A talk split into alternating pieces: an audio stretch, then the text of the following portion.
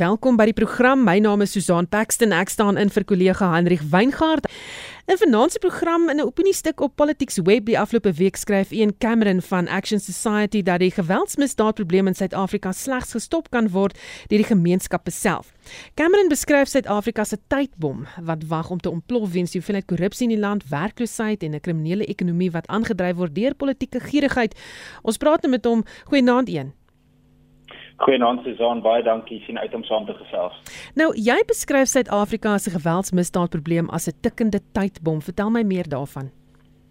Susan, ek dink in party opsigte het dit reeds ontplof. Ek dink daar's 'n opbou wat besig is om plaas te vind. Daar's toenemende onstabiliteit. Ek dink die feit dat die ANC regtig besig is om uitmekaar te skeer en met soveel faksies gevegte besig is, is dit baie moeilik uh, vir hulle of enige 'n uh, staatsinstansie wat nog enigsins sy sout werk is om werklik in te klim in die geweldsmisdaad kwessie op te los. As ons gaan kyk na iets soos en dan gaan ons sommer geslagsgebaseerde uh, geweld uitsonder.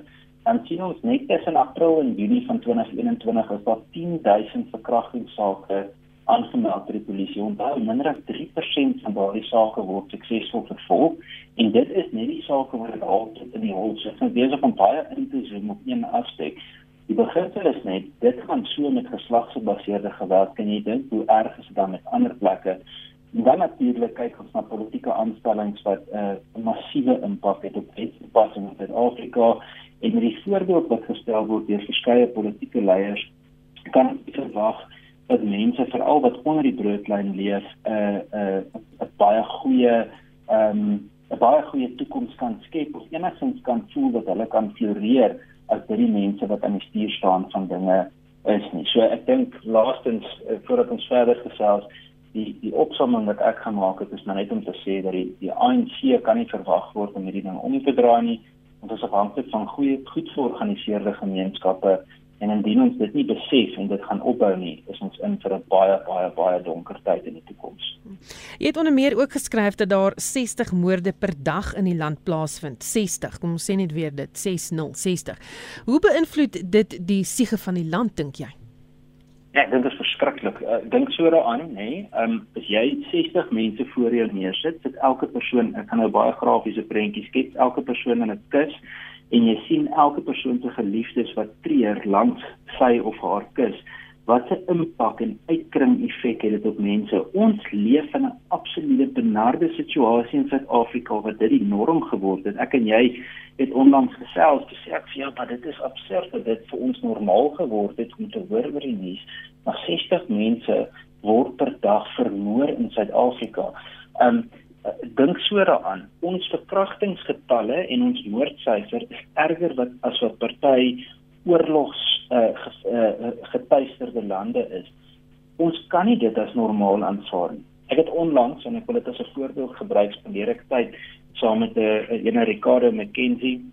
Hy's 'n lid van die provinsiale wetgewer in die Wes-Kaap en uh, en uh, spandeer ek tyd saam met hom in die Kaapse vlakte en ek is op pad saam met hom in 'n 'n baie ernstige geweld en bende geweld getuieerde gebied om met iemand daar te gaan gesels wat betrokke is by ondersoeke en terwyl ons ry is daar is daar uh, twee honde wat besig is om mekaar te verskeer.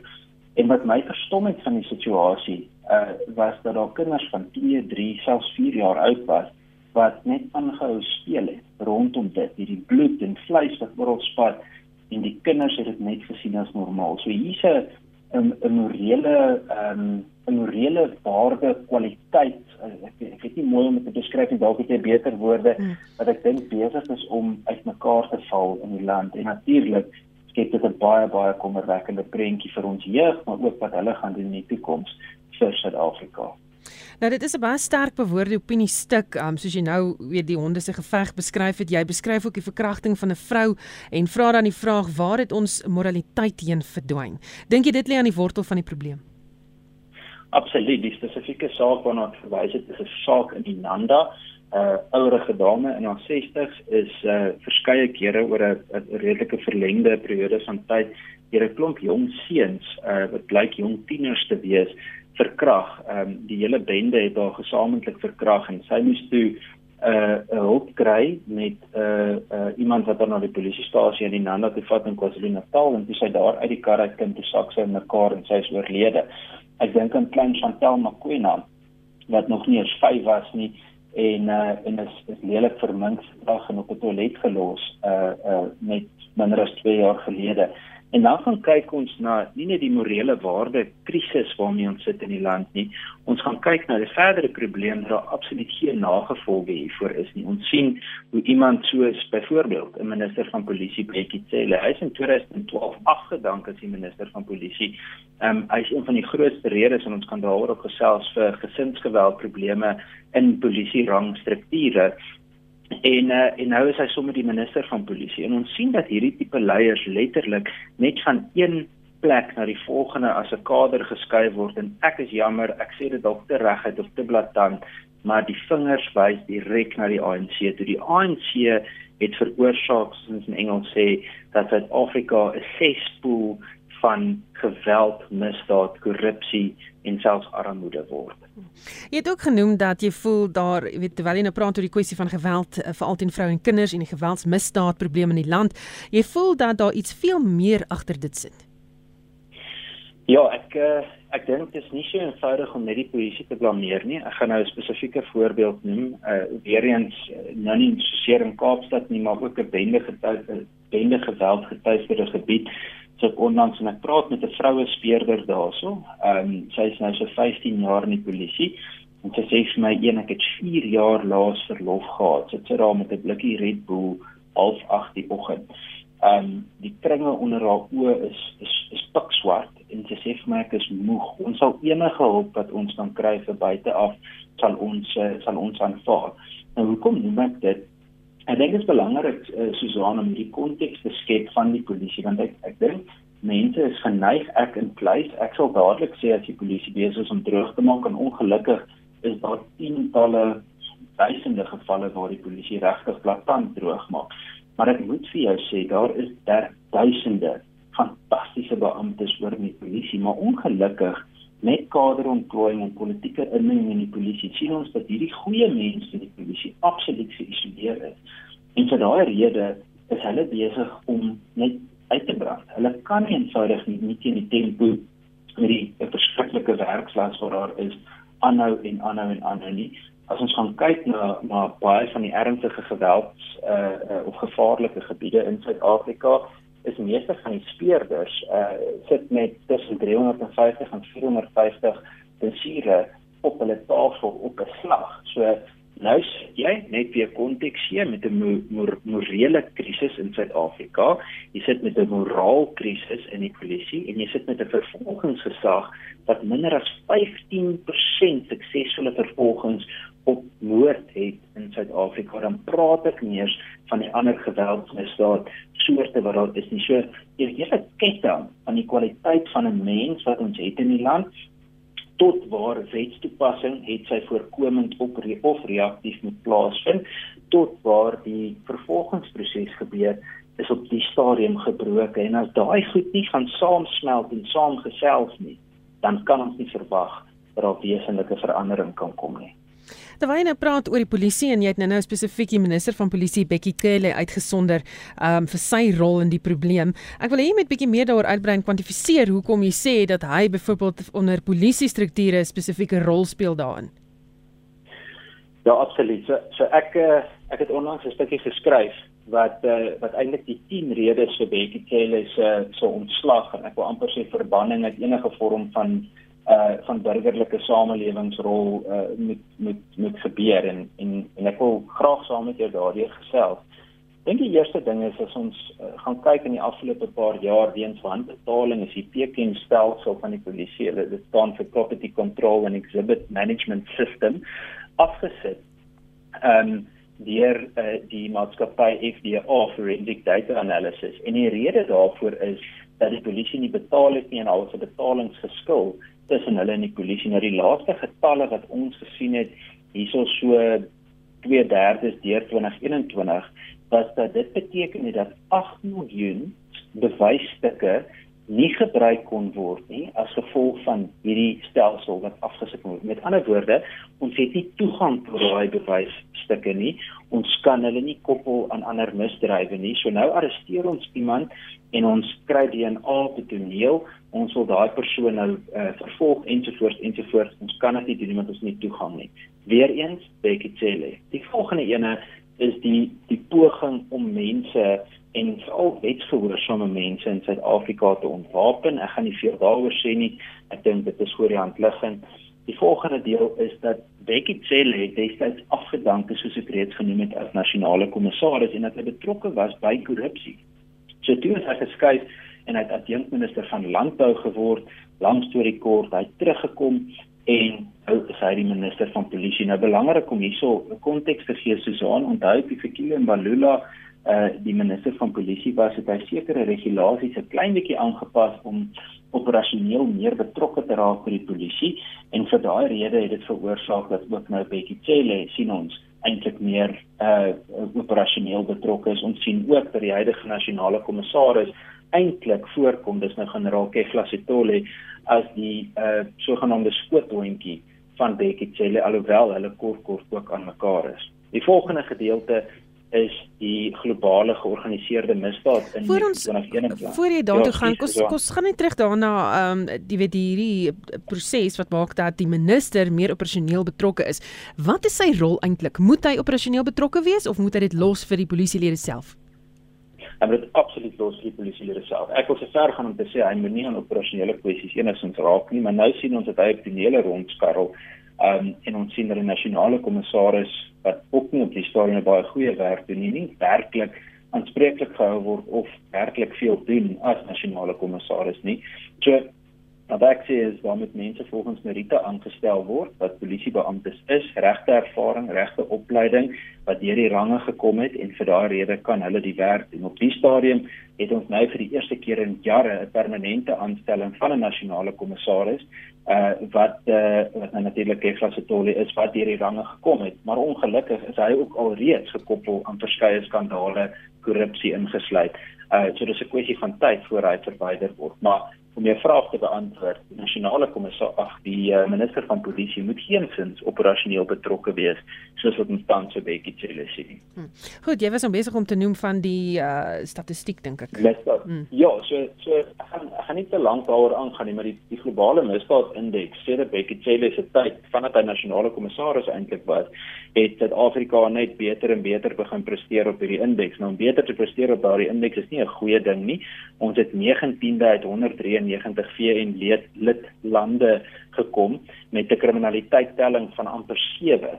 Ehm um, so ons is 5de uit 54 Afrika lande in terme van van misdaad en uh, en ons omtrent net Nigerië, die Kongo en Kenia wat beter as ons gedoen het. So ehm um, weer eens wêreldwyd begin ons eintlik lagwekkend raak wanneer dit kom by by uh, by wetstoepassing.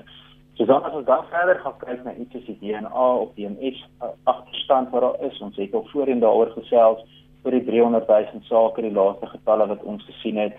Ehm um, dit beteken jy, jy praat van uh omtrent 4 bewysstukke per saak. So jy kan kyk na omtrent 1 miljoen 1.2 miljoen bewysstukke wat wat wat die agterstand opmaak. En dit blyk vir ons dat die polisie nou kort kort terugvoer gee spesifiek by Kitele om vir ons te sê maar ons is besig om daaraan te werk, maar hy fokus net op daai 300 000. Hy praat nie van die sake wat bykom elke liewe dag nie. So hy dit gaan in Engels sê gaan gaan afsonder of gaan ringfence en uh, en hy verwys net terug na dit.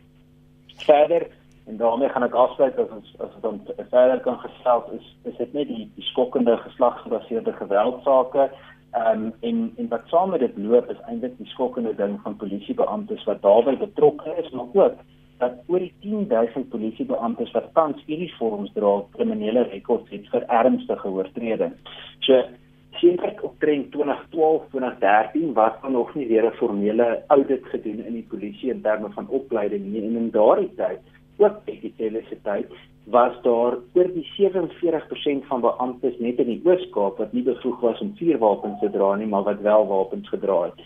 En so gaan die lys aan ek dink ek kry die kruispunt. Hmm. Digitale is nie so sou werk nie, hy moet gaan. Inderdaad, 'n donker prentjie. Ehm um, jy lê ook die probleem ehm um, voor die deur van die ANC of jy skuld vir die probleem voor die ANC se deur uh met die gebrek aan leierskap.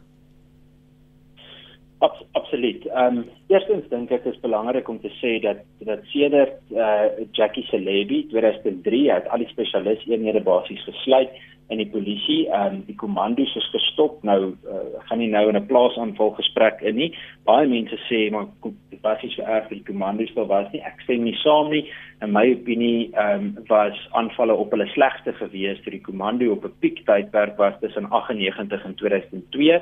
Uh, maar dit gesê het die komando wel vir gemeenskappe 'n bietjie meer van 'n statutêre vermoë gegee, soos 'n reservistelsel en dit is waarom dit gehelp het en ek glo prognose gehad het met so 'n stelsel. Daai reservistelsel wat toe nou ter sprake was of wat sou uitgebou word, het nooit gebeur nie. Afgelope 10 jaar oor die 80000 reserviste verloor. Hoekom blameer ek die ANC daarvoor? Ek dink die ANC is magsmal, hulle is magsbehep en hulle is bang dat enige vorm van georganiseerde gemeenskap vir hulle 'n bedreiging inhou. Daarom soek hulle nie 'n komando nie. Hulle soek nie 'n suksesvolle reservistesisteem nie, want hulle glo polities gaan dit vir hulle risiko inhou. Hoekom? Want hulle self het dieselfde taktiek in die verlede probeer gebruik om natuurlik politieke invloed uit te oefen. En dit gaan nie oor die politieke debat of van nie. Ek glo egter met die ANC dit nou verder gevat het en die mense wat aanspreeklik behoort gehou te word vir hierdie oortredings vir die swak dienslewering in terme van wetstoepassing word net nie gedoen nie. Ons kyk na Ria Piega gedoen wat sy gedoen het, sy gaan dit aan met haar lewe. Jackie Celebi mag hy nie rus en vrede nie, hy het die polisie vernietig. Ehm um, en uh, en en en ek dink net elke keer kom dit terug na nog 'n ANC kader wat ontplooi is, nog iemand van die ANC wat betrokke geraak het. Ek gemots op Paglane selfde ding ook korrup gewees en so gaan die lys aan die ANC en spesifiek Cyril Ramaphosa is sover nog net besig met lippediens. Ons sien geen verbetering wanneer dit kom by geslagsgebaseerde geweld nie. Inteendeel, dit neem toe en ons kan verwag dat soos vir die land verarm en soos wat mag in die in die ANC gesentraliseer word, kan mense meer drakoniese byvoorbeeld inperkings hê. Daai tipe ding, meer mense gaan hulle werke verloor. Vir daai rede is meer mense bymekaar en sosiologies maak dit dan sin dat meer mense blootgestel word aan ernstige geweld. So die ANC op die einde van die dag is besig om hierdie donker prentjie eintlik vir ons in te kleur deur elke keer die verkeerde knoppie te druk en hulle is nie besig om te sorg vir aanspreeklikheid nie. So ek kan nie sien as hulle nie dit gaan doen nie. As ons nie kan sien byvoorbeeld nou met die uh, met die sondekommissie verslag wat uitgekom het nie, as ons nie gaan sien dat hierdie uh, kom ons net maar 'n biografie van die ANC ernstig opgeneem gaan word en dat ons mense agter tralies gaan sien nie, kan ek nie sien dat daar enige vorm van verbetering kan kom met die ANC aanbevind nie. Hmm. Goed, dan dink jy Suid-Afrikaners aanvaar nou net gedwee die situasie. Ehm um, het ons te gewoond geraak daaraan moet ons weer besef een moord is een moord te veel.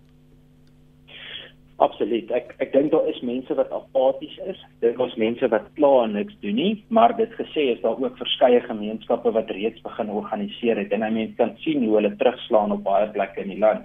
Ehm um, ek het onlangs baie werk gedoen byvoorbeeld in uh, kom ons neem weer die Kaapse vlakte as 'n voorbeeld. Daar is regte gemeenskappe wat binne die raamwerk van die wet fantastiese werk doen saam met die staat, spesifiek die provinsiale regering en nasionale regering help glad nie, waar hulle ingeklim het en gesê het maar ons organiseer, ons neem ons strate terug en vandat hulle dit begin doen het binne die raamwerk van die wet word minder minder kinders doodgeskiet en hulle het die erns van die saak betref. Ek dink egter mense dink dikwels en hulle word bang gepraat dat jy nie iets mag doen nie en mag byvoorbeeld nie jouself verdedig nie jy mag nie terugskiet nie ensovoorts ensovoorts. En ek sien nie mense moet onnodig net wapens opneem en, en mense wil ten bakke skiet nie glad nie.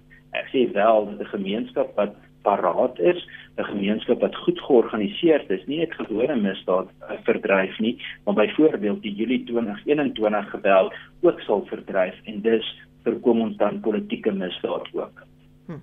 En jou antwoord uiteindelik tot hierdie probleem. Gemeenskappe moet organiseer, natuurlik moet ons druk uitoefen, natuurlik moet ons deelneem aan verkiesings. Ek glo daarin, maar dit gesê is dit belangrik dat gemeenskappe een opgelei word. Hulle moet aktief betrokke raak by patrolliestelsels.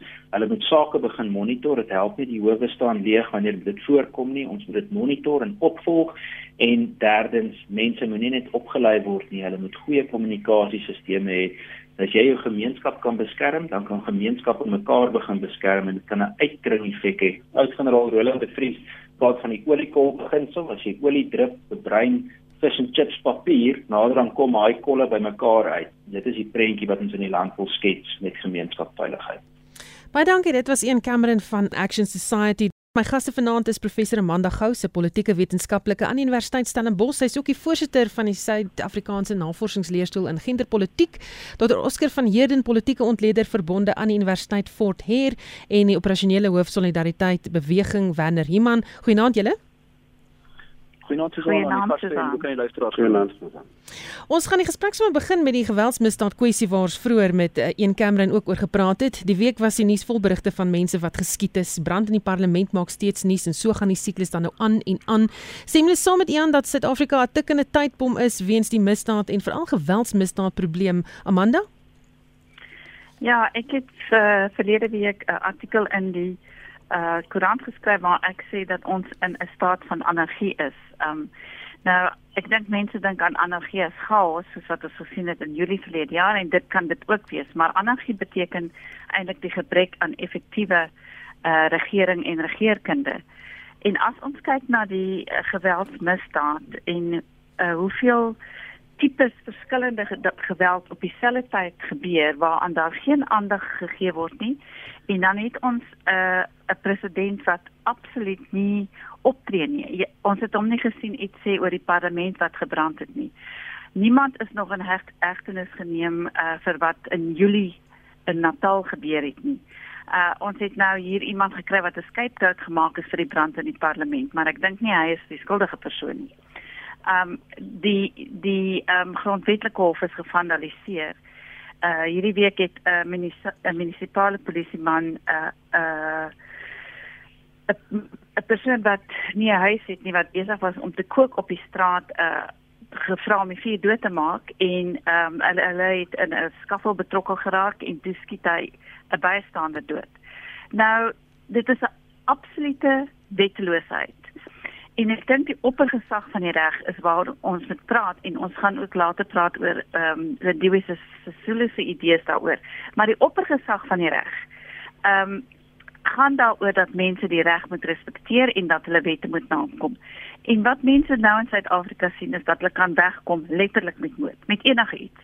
Daar word nie opgetree nie, ons polisie is nie paraat genoeg nie, hulle is nie opgelei genoeg nie. Ons kan nie die forensiese ehm um, bewyse gebruik nie.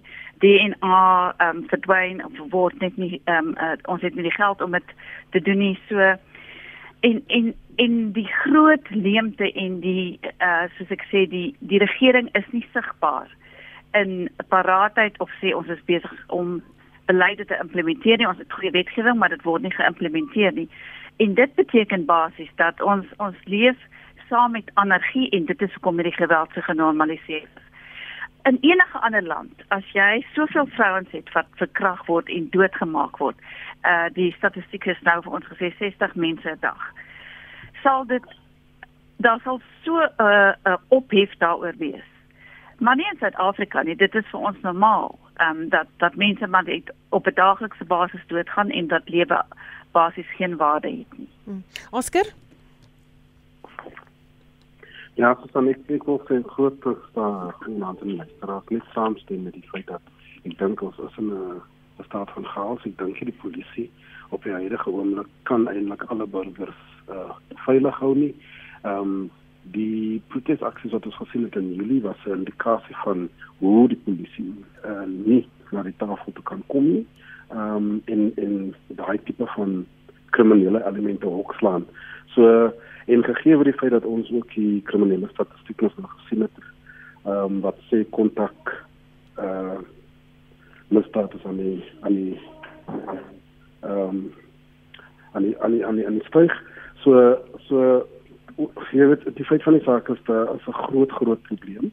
Ek dink dis tot 'n mate is dit natuurlik nou die faksies en die en die bekleierery en die aan die ANC maar ek dink ook daar is 'n groter probleem wat ons in oog staar en dit is die feit dat mense in ons uh, publieke uh, werke wonk hulle werk doen nie.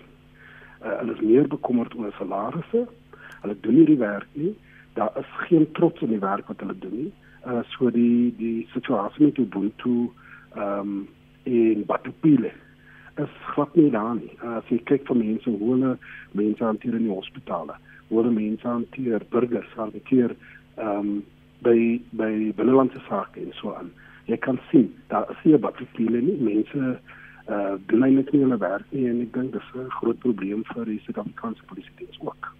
Werner Susan om kortliks daarby aan te las met dit wat reeds gesê is is dat ons polisie diens het 'n hele paar toetse gehad die afgelope tyd. Die Julie onluste was 'n toets geweest wat daan misluk. Uh, die parlementgebou het gebrand het, was 'n groot toets geweest wat misluk. En dan natuurlik die alledaagse geweld wat ons kry. 'n Ander aspek op die probleem ook is om te sien ten spyte van die feit dat die polisie begroting vir al die laaste 10 jaar eksponensieel gestyg het, miljarde rande gestyg het. sien ons nie enigsins dat dit afsypel tot waar ons op die grondvlak is. En ons het nog steeds uh, polisiestasies wat onder kapasiteit werk wat nie genoeg mense het om te help wanneer daar krisis in 'n gemeenskap op 'n groter skaal is nie. Maar aan die ander kant het ons hierdie oor groot leierskapstruktuur binne die SAPS. Ons het 'n uh, twee meer as 200 generaals, ons het meer as 600 brigadiers wat meer as 1 miljard rand se salarisse eis van die van die belastingbetaler. En as ons kyk na al hierdie en ons probeer diagnose maak, is dit ironies gewys dit wat die rede is 'n swak dienslewering, dit wat die lewering maak 'n swak staatsdiens oor die algemeen ons paaie en dis meer is presies dieselfde redes waarom die SAPD SAPD die toestand is wat hulle is. Dit uiteindelik aan te spreek is een been uh, het, het wat een Cameron aangeraak het wat krities is en dit is dit gemeenskap self kan bemagtig en versterk en dit toenemend doen en uitkring soos hy beskryf het. As ons kyk op 'n politieke vlak wat moet gebeur, sit ons eintlik met 'n reuse politieke besluit wat geneem moet word. En dit is hoe ons hierdie gaan regkry en dit gaan begin by die leierskap. Dit is een ding om te sê ons moet die plaaslike gemeenskappe wat die polisiestasies aanbetref versterk, maar dit eintlik begin by die leierskap. En om dit te doen gaan 'n reuse reuse taak wees. En die vraag is hierdie ANC die politieke wil om daai groot stappe te maak veral in 'n jaar soos hierdie waar hulle hierdie jaar 'n beleidskonferensie gaan hê, ons het 'n nasionale kongres aan die einde van die jaar en watter politieke ruimte is daar om dit te doen? En ek sien saam met Amanda om te sê ons sit met 'n president wat te veel wag nie groot stappe vorentoe maak nie en ek dink die misdaadsyfer die geweldsyfer is iets wat daarvoor doen Nou gepraat van die polisie maar wil, Ja, skus, gaan voort. Ek wil net nog net een punt maak asseblief man. En dit is rondom begrotings. Jy weet ons ons ons ons hoor by die nasionale vervolgingsgesag, ons hoor by die polisie diens, almal soek altyd net meer geld en groter en groter begrotings. Andersins kan hulle hulle werk doen. En ek dink dit is 'n groot probleem in die in die in die in, in terme van jy weet soms moet jy werk kan doen met wat jy het. Ons kan nie gedurig die ekskuus gebruik dat ons het nie genoeg geld nie, ons het nie genoeg mense nie. Uh en so aan. Dit is dit is belangrik, maar tog wil ek ook sê, ehm um, jy weet jy moet jy moet binne 'n raamwerk en 'n begroting kan uh regeer en ek dink dit is baie baie belangrik. Die polisie kan nie altyd die ekskuus gebruik dat hulle het nie genoeg geld nie. Hm.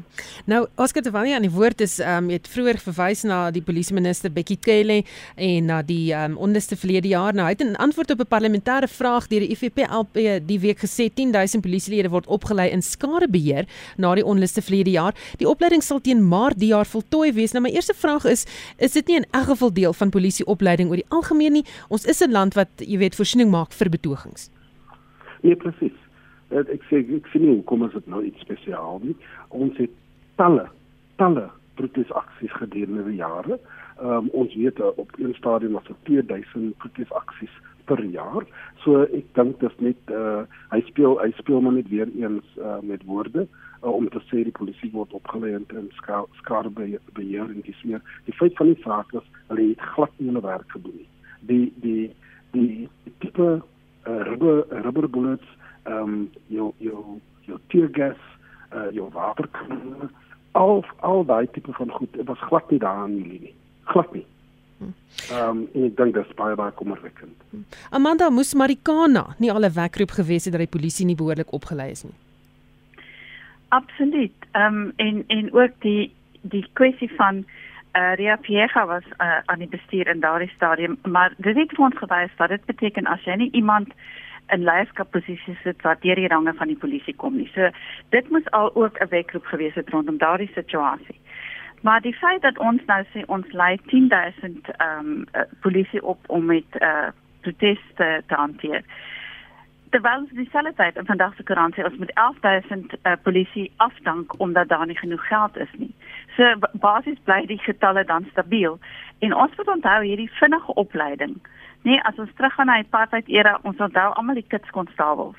Nou dit is 'n absolute resep vir 'n disaster. Ehm um, want die mense word miskien opgelei om op een ding te kan fokus, maar hulle word nie goed genoeg opgelei om op ander uh, uh dinge te kan fokus nie en om om byvoorbeeld geslagsgeweld te verstaan nie.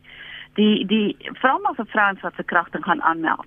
Wat 'n absolute ramp dit is by meeste polisiestasies as jy verkrachting gaan aanmeld. So ek dink daar moet werklik baie meer aandag gegee word aan die tipe opleiding uh wat wat polisie kry. En dan wil ek net terugkom na die punt oor ehm um, gemeenskappe wat hulle self moet beveilig. Dit is dit is wel nodig dink ek want daar is niemand wat ons beveilig nie. Maar die punt is as ons van veiligheidsmaatskappye gebruik maak. Hierdie maatskappye is nie verantwoordbaar aan enigiemand nie. Dis nie soos 'n polisieman wat verantwoordbaar is behoort te wees aan die staat nie. So dit lei tot allerlei ander probleme.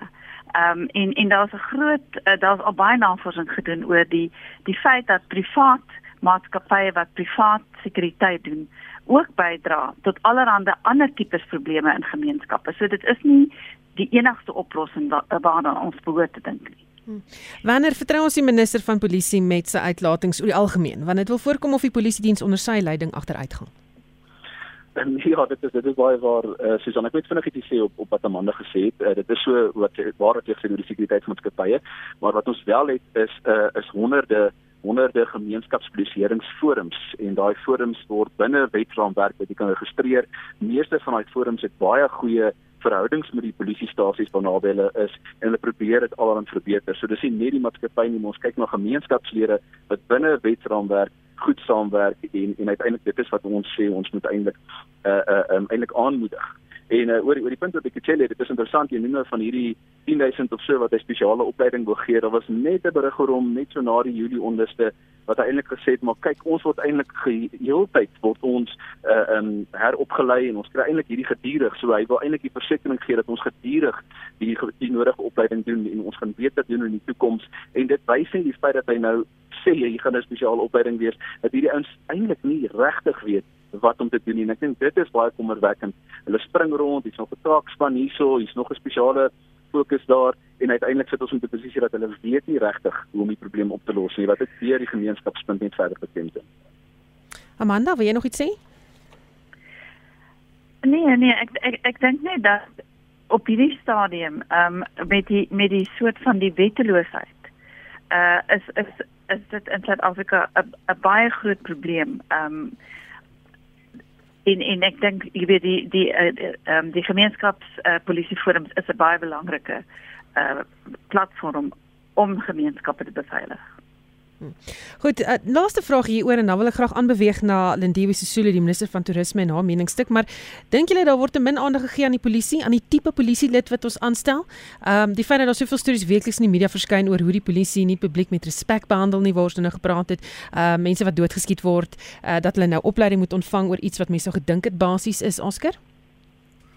Ja, kyk ek dink dit is 'n dit is 'n baie belangrike element. Ek dink ons moet eintlik aandag uh, gee aan watter tipe mense ons ons in die polisie kry, wat so 'n soort uh, opleiding hulle kry uh, en so meer.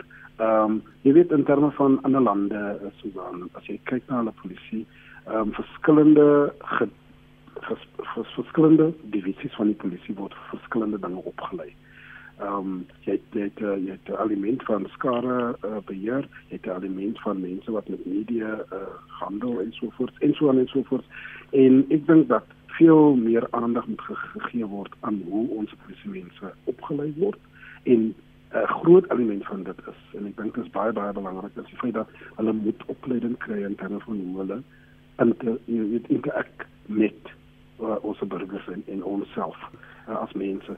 Ehm um, as jy na 'n polisiestasie toe gaan, is is grappie, is dis dis nog glad nie 'n 'n goeie situasie nie. Hulle vermy jou, hulle hulle sien jou as 'n las um, en so aan en ek dink daar's daar's groot groot probleme in terme van die opleiding van ons polisie en, en polisie vir ons. Goed, dan die hoofstorie van die week is natuurlik Ndiwe Sisulu, die minister van toerisme.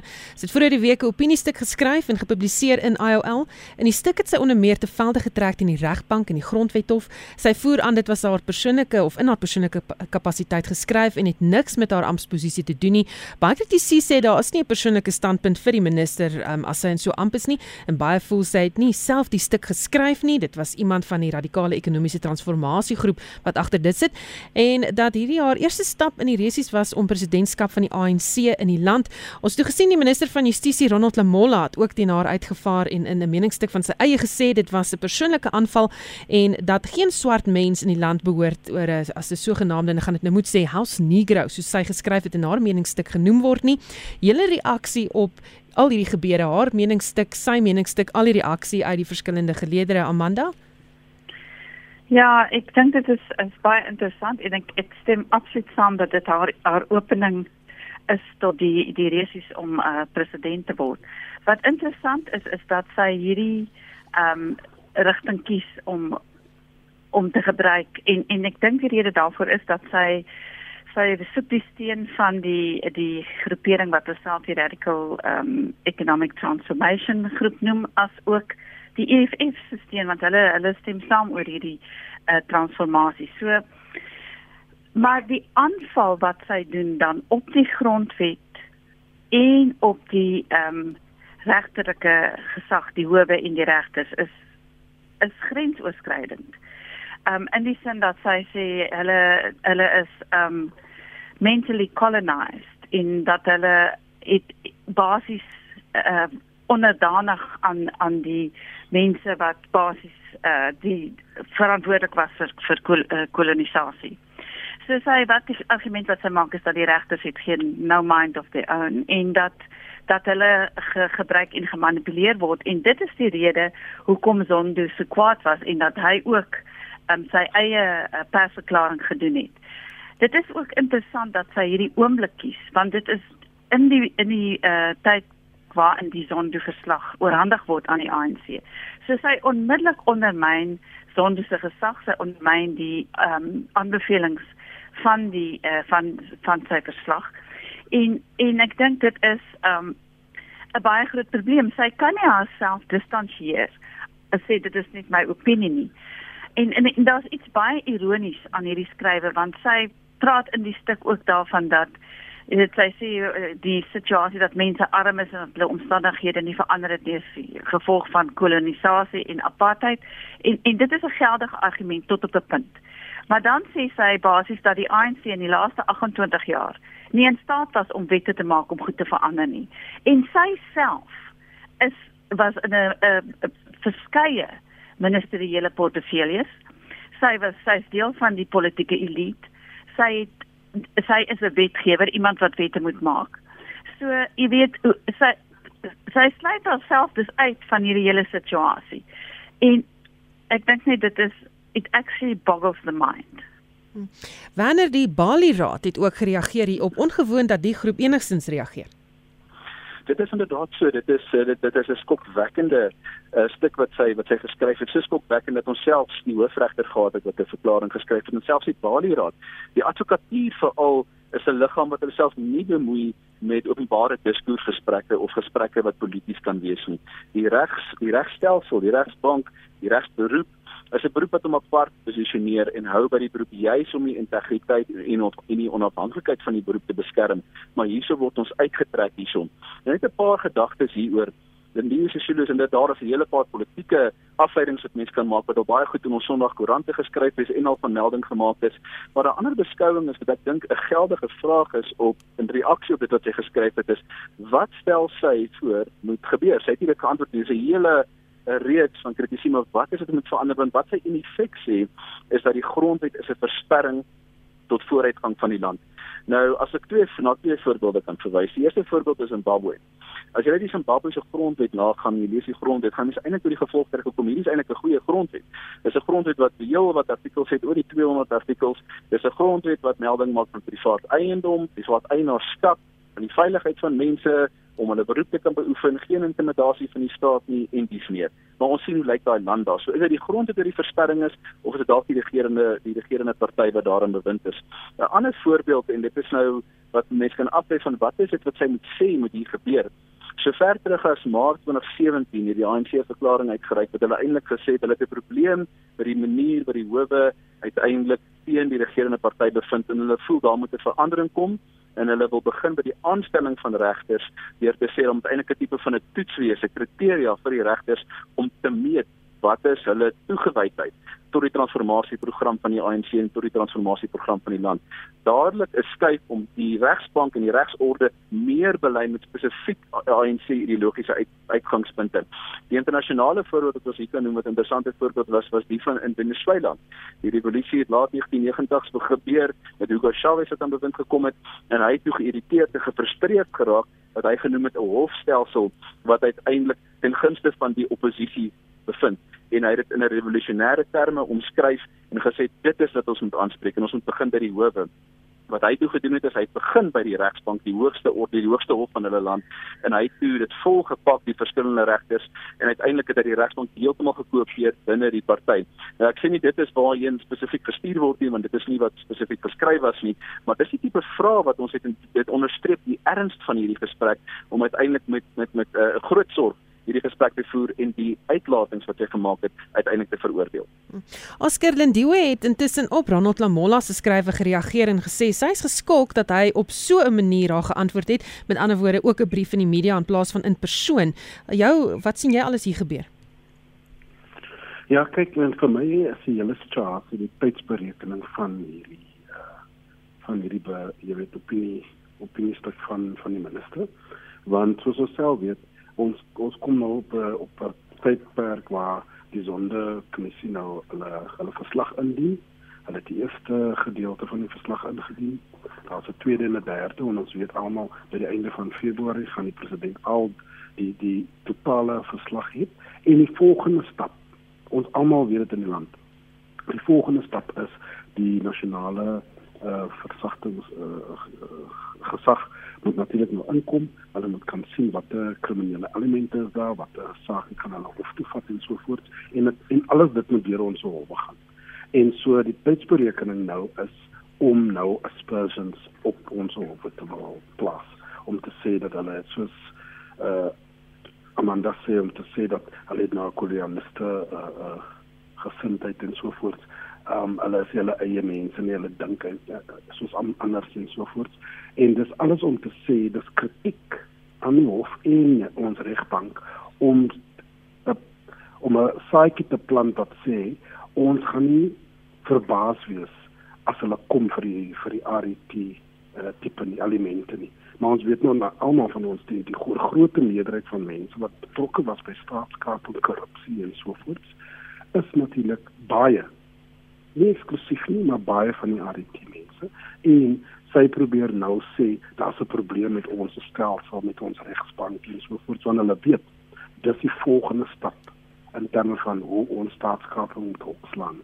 Ehm um, so ek dink daar's 'n groot groot probleem en ek dink die die die, die rapport van van die minister Lamola is om te sê as jy sekere aantuigings maak, maak seker het jou feite agter mekaar. En as ons kyk na die regsbank van 1994 tot hede, dan sal ons sien dat die hoogste hof in die, in die land is as maar altyd op die kant van die armes, as ons of ons nou praat van behuising of ons praat van land en so voort en so aan. Ehm um, die hof se uh se se ja, dit dit is van selfsprekend. So as jy sê dat ons eintlik nou nie ehm um, 'n regsbank wat 'n woord of 'n beskermer is vir die arme nie, dan is dit 'n leen is eintlik nie waarmee die feite sê vir ons dat dit nie die geval nie en so sy is besig met politiek.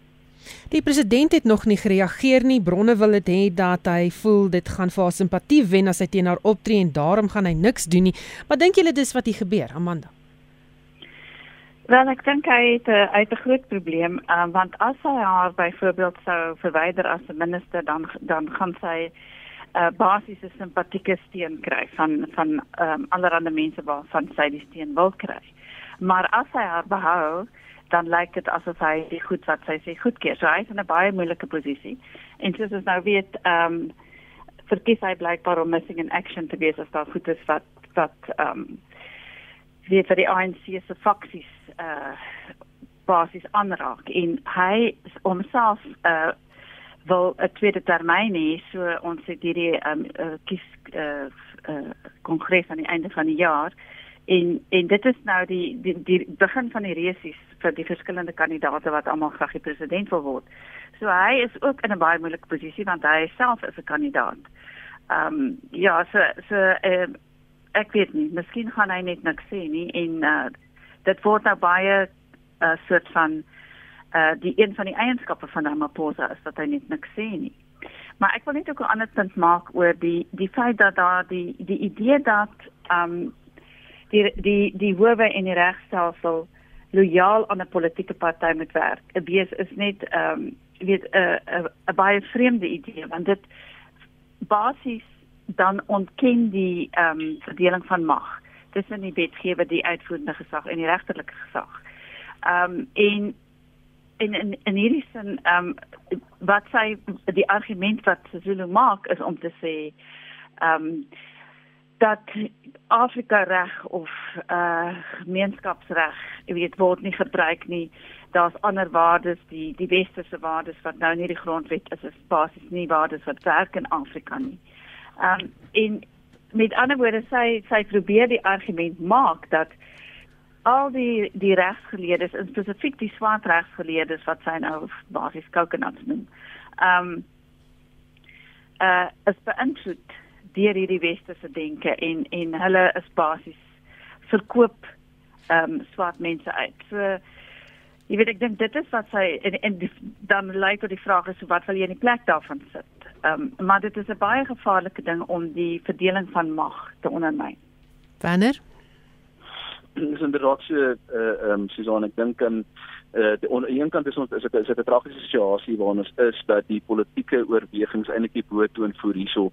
Uh, ons is eienskaplik aan president Ramaphosa om 'n baie stadige en pragmatiese benadering te volg om hierdie om hierdie aan te spreek. Ek vermoed ook nie dat hy enigsins dit gaan doen nie. Ehm um, sy is 'n lid van sy kabinet. Daar is 'n groeiende RDP faksie en hulle soek graag 'n ingang en indien hy optree sal dit voorkom asof sy seker eintlik 'n tipe van 'n slagskaap is en en dit sal haar 'n tipe van 'n slagskaap maak in openbaar en daai fakties sal vergroot. So ons sit met 'n posisie wat eintlik moet na regte optree, maar ons het 'n ongewone situasie in die sin dat ons soveel goed het wat vermeng op die oomblik. Dis die politieke oorwegings aan die een kant, dis die onafhanklikheid van die regsbank aan die ander kant. Dit is die uitsprake wat daarmee paart gaan en uh, ek dink hy gaan wag en kyk wat is dit wat gaan gebeur voordat hy gaan optree. En en ek wil net weer onderstreep, dit is 'n belangrike vraag wat ons bespreek oor wat is dit presies wat sy gestel het? Sy het hoeveel briewe geskryf? Daar's hoeveel woordvoerders wat vir haar nie uh, vir Lindiwe Sisulu in die media gekom het om te probeer vertolk het wat sy sê en dat sy maar net deelneem aan die openbare diskurs. Maar in een van daai stukke het sy gemeld maar hoe lyk 'n stelsel waar jy nie die, die oppergesag van die reg het nie. Hoe lyk jy die, hoe lyk die stelsel as jy nie die trias politica het nie, die skeiding van magte nie? Hoe lyk so 'n stelsel wat daarop geskwee is? En wat uh, Ronald Romola geskryf het, is interessant en hy het genoem uit gesag en regspraak waarop beginsels van Ubuntu verwys het en dis meer dit ingevoeg word uh, uh, in deel deel van ons regspraak en dis jurisprudensie word. So dit is 'n dis 'n kortsigtige alleenlik politieke stelling wat sy maak en en dit hou nie die water en sig gebaseer op feite nie en ek dink dit moet uitgewys word. Ons het sy enige iets gesê wat 'n uh, 'n mens ter harte moet neem en wat meer ondersoek wel verg. Nee, ek dink so nie. Ek kyk vir my ek wil saamstem met met met Amanda en en Werner. Ek dink die skeiding van magte is sakrosant ek dink hy wil die rede hoekom hy nie iets sê nie is hy wil nie vir die RT suurstof gee nie want dit is wat hulle wil hê. Hulle wil graag hê hy moet kom na die na die ehm um, na na die tafel toe en en, en uitsprake maak sodat hulle begin kan aanval. Ehm um, en natuurlik is dit ook die die die feit van die saak is ook dat ehm um, soos hulle gesê het, sy wil graag hê hy moet reaksie wees. Hy het nou onlangs 'n uh, kabinetskommissie gehad om gegee omrede daar baie mense in die, in die kabinet was wat gesterf het en so voort. En hy hy dink net dit is nou weer eens tyd om dit te doen. Hy wil nie graag daai daai rekord hê van Zuma wat uh, 110 kabinetskommelings doen nie, want hy stem nie saam met mense nie. En ek dink uh, sy het nou net 'n uh, sy het 'n groot gemaak van haarself en ek dink mense sien dit Ehm um, en hulle weet presies waar wat sy probeer doen want sy het ambisies en en so voort. Ehm um, en ek dink hulle is eintlik besig om uh, own goals te skool. As ek nou as ek nou kyk na die ding en ek dink dit is nodig vir die president om enigiets te sê. Amanda, as hierdie eerste stap in die resies is vir presidentskap, was dit die regte strategie en is Suid-Afrika reg vir 'n vroue president? Wel, ek dink ehm um, uit uit haar vertrekpunt uit was dit die die regte strategie. Ek dink dit is 'n slim of 'n slinkse strategie want sy uh, sy sy soek duidelik nie die steun van die Ramaphosa faksie nie. So sy gaan buite daai faksie en sy sy probeer die steun verkry. Soos ek gesê het reeds van uh die die radical economic transformation groep in die in die EFF um en en wat sy basies probeer sê is kyk net wat het kolonisasie en die um kontinuïteit tussen kolonisasie apartheid en die die wit mag wat nog steeds in Suid-Afrika as vir swart mense gedoen het niks gedoen nie. Maar ek sal dit kan verbeter of ek sal iets daaraan kan doen. Dis basies die boodskap wat sy wat sy stuur.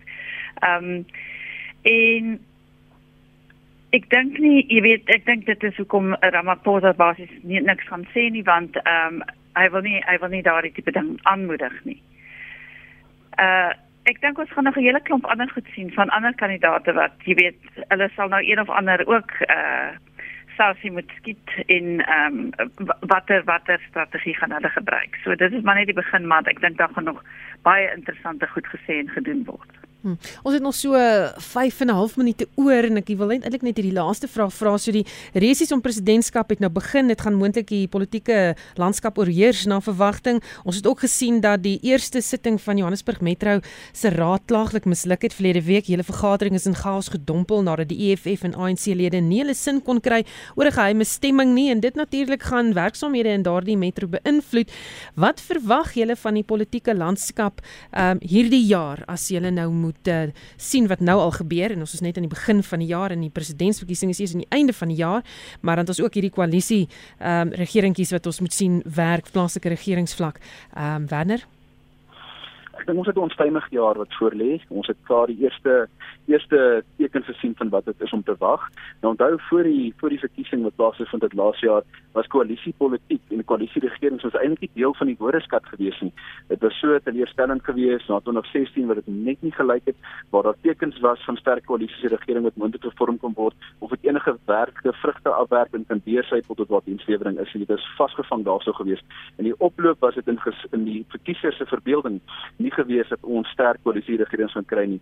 Toe kom die verkiesing en ons het verbasend dat die ANC swakker, baie swakker gevaar het as wat verwag was en ewe skielik kan ons hierdie veral in die metro's nuwe koalisiepartye wat gevorm is wat eintlik 'n magsbasis skuif is. Ons het sien met metrorade wat sterker magsbasis mag, magsbasisse gaan kry en en ons sien dit nou uitspeel. En die eerste ding wat die ANC doen soos wat hulle gedoen het tevore en die en die EFF is om weerstand en so te bied. Ek dink ons het 'n onstuimige tyd vir koalisieregerings. Ek dink um, dit gaan baie moeilik wees in die rade want ons weet uh, die verskeie partye het vir 'n vir 'n DA kandidaate gestem oral maar sonder dat daar formele ja. koalisie ehm uh, uh, um, gevorm is met genoegsame stemme om te verseker dat besluitneming vir begrotings en dies meer glad kan verloop. So ons sit maar 'n ding wat hang in 'n party soos die EFF het nog steeds 'n uh, um, 'n stop om mee te slaan wanneer hulle wil en dis presies hoe hulle hierdie ontwerp het. Hulle het die eerste stop geslaan -hmm. en uh, ek dink ons wil graag vir die leiers van hierdie metroraad om te sê ons wil 'n stabiele regering hê en dit